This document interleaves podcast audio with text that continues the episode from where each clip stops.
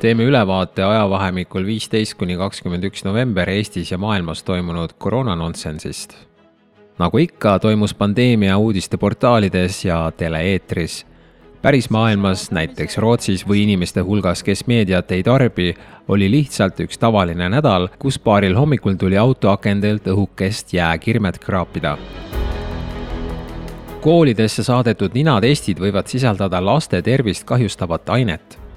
õpetaja ja endine keskkonnaministri nõunik Robert Kiviselg kirjutas oma arvamusloos, et käesoleva aasta oktoobris avalikustas Euroopa Komisjon toidulisandite piirnormid, milles käsitleti etüleenoksiidi ohtlikkust ning seati täiendavad nõuded ka lastele mõeldud toodetele selle peale on kaubandusest tagasi kutsutud terve hulk etüleenoksiidi sisaldavaid tooteid, nagu näiteks Twix, Snickers, Bounty, M&M's jäätised, Premia mango sorbett, maasikaglasuuriga sõõrikud ja nii edasi. kuid see teema peaks puudutama ka Covid teste, sest koolilastele soetatud ninatestide proovivõtupulgad on steriliseeritud just sellesama ainega. ometi peavad kõik õpilased alates esimesest klassist kolm korda nädalas selle mürgise ainega töödeldud pulga ninna toppima miks on ametkonnad vait? üle üheksakümne protsendi vaktsineeritusega Iirimaa saadab inimesed koroonalaine tõustes taas kodutööle.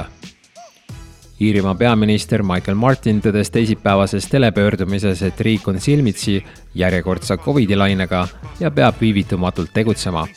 meie nõuanne on praegu, et igaüks peaks töötama kodust, kui kohapeal viibimine just absoluutselt vajalik ei ole, lisas ta Martini sõnul on tänavu vaid ühel korral olnud koroonaviiruse tõttu haiglasse sattunute hulk kõrgem kui läinud nädalal.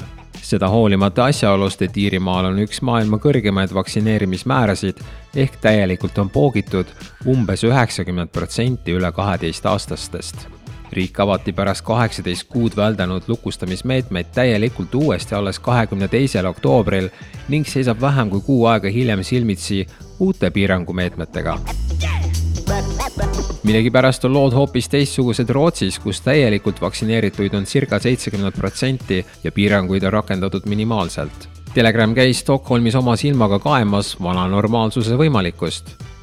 riigi peaepidemioloog loodab, et esimesel detsembril kasutusele võetav koroonapass spordi ja teiste suuremate sündmuste tarvis ei laiene mitte kunagi kohvikutele ja muuseumidele. What do you think about the Covid situation in uh, Sweden?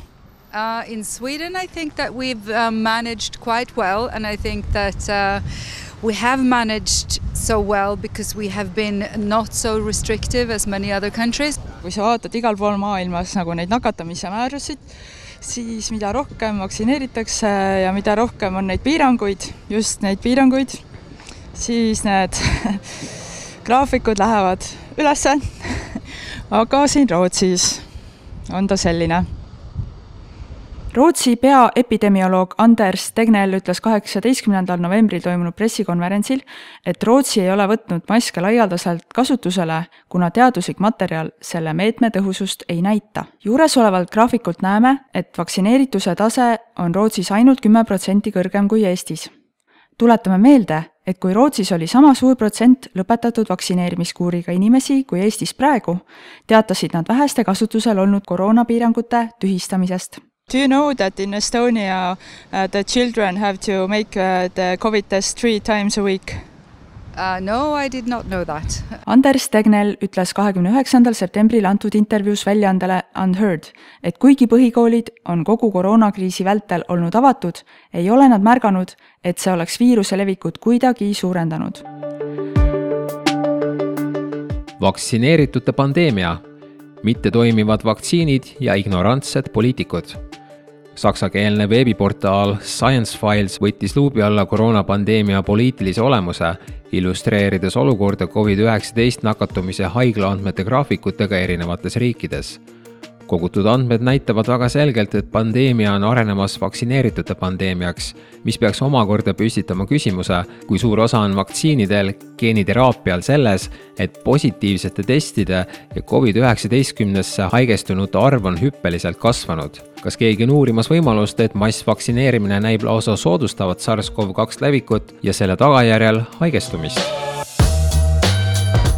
Ka tunnustatud doktor Günter Kampf avaldas The Lancetis arvamust, et mittevaktsineeritute stigmatiseerimine ei ole õigustatud. vaktsineeritud inimestel on raske haiguse risk väiksem, kuid neil on siiski pandeemias oluline roll. seetõttu on vale ja ohtlik rääkida vaktsineerimata inimeste pandeemiast. ajalooliselt on nii USA kui ka Saksamaa tekitanud negatiivseid kogemusi, häbimärgistades osa elanikkonnast nende nahavärvi või religiooni tõttu kutsun kõrgetasemelisi ametnikke ja teadlasi üles lõpetama vaktsineerimata inimeste, kelle hulka kuuluvad meie patsiendid, kolleegid ja teised kaaskodanikud, sobimatu häbimärgistamine ning pingutama ühiskonna lepitamise nimel, kirjutas doktor Kamp maailma tuntuimas teaduslikus meditsiinižurnaalis. USA Toidu- ja Ravimiamet soovib kahe tuhande seitsmekümne kuuenda aastani salastada Pfizeri vaktsiini andmed Ameerika Ühendriikides taotleb enam kui kolmkümmend riigi mainekamate ülikoolide akadeemikut, professorit ja teadlast ligipääsu andmetele ning teabele, mille Pfizer esitas FDA-le ehk Toidu- ja Ravimiametile Covid-19 vaktsiini müügiloa saamiseks. Kuigi FDA suutis väidetavalt Pfizeri dokumendid müügiloa andmiseks põhjalikult läbi vaadata saja kaheksa päevaga, nõuab ta nüüd üle kahekümne tuhande päeva ehk viiskümmend viis aastat, et need dokumendid avalikkusele kättesaadavaks teha kas see info muudab sinu silmis selle firma koroonavaktsiini rohkem või vähem usaldusväärseks? Hando Tõnumaa võitis kohtus Heliis Raudsikut. käesoleva aasta aprillis kirjutasime värskelt alanud kohtulahingust, mille algatajaks oli Delfi faktikontrollijate ridadesse kuuluv Heliis Raudsik, kes kaebas telegram.ee juhi Hando Tõnumaa kohtusse, kuna ei suutnud kogenud faktide kontrollijana tuvastada meie ajaviite rubriigis avaldatud satiiri tema enda kohta ja võttis seda tõe pähe. kaheksateistkümnendal novembril saime aga advokaadilt rõõmustava teate, et kohus jättis Heliis Rautsiku hagi rahuldamata. muuhulgas leidis kohus, et iga keskmiselt mõistlik inimene võtab kõne all olnud artiklit satiirina ning samuti tasub Rautsikul arvestada, et kui ta valib pooli ja teisi arvustab, võib ta ka ise kriitika alla sattuda kohus lisas ka, et satiir on olemuselt pilge ühiskonnas esineva suhtes ja sõnavabaduse kaitse all, seega saab artiklit pidada kui üheks näiteks igakülgse ühiskonnakajastuse kohta. hagi rahuldamata jätmisega jäävad ka kõik kohtukulud Heliis Rautsiku kanda. Laupäeval toimus viies ülemaailmne meeleavaldus vabaduse ja põhiõiguste kaitseks. eriti suureks kasvas protest Austrias ja Victoria osariigis Austraalias massiliselt oldi tänavatel ka Horvaatias ja Hollandis.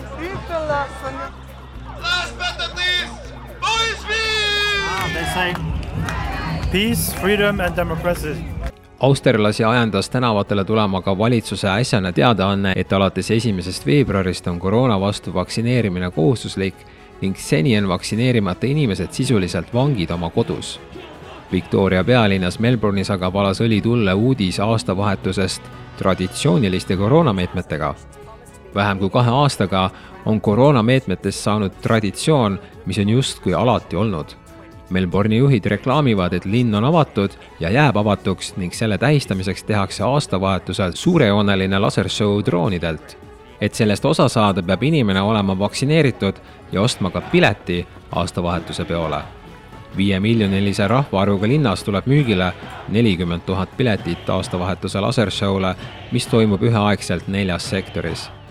mida teevad ülejäänud viis miljonit Melbourne'i kodanikku? kas aastavahetus ainult vaktsineeritutele saab uueks normaalsuseks ka mujal maailmas?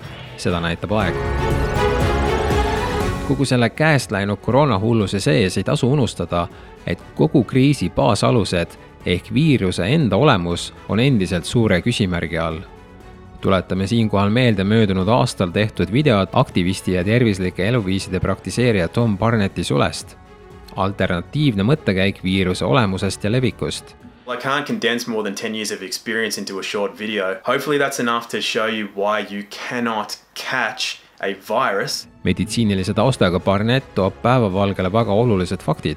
me tegelikult ei tea, kas viirust on üldse võimalik saada teiselt inimeselt või loomalt või kas käte pesemisest ja maskide kandmisest on üldse kasu, et päästa end koroonaviirusest ja nii edasi. sest kui viirus pole isegi isoleeritud selle algses tähenduses, siis millest me üldse räägime? vaata videot ise Telegrami portaalis telegramplay.ee. Need olid Telegrami uudised möödunud nädalast, tule kapist välja ka sina. me kõik teame, et see on hauks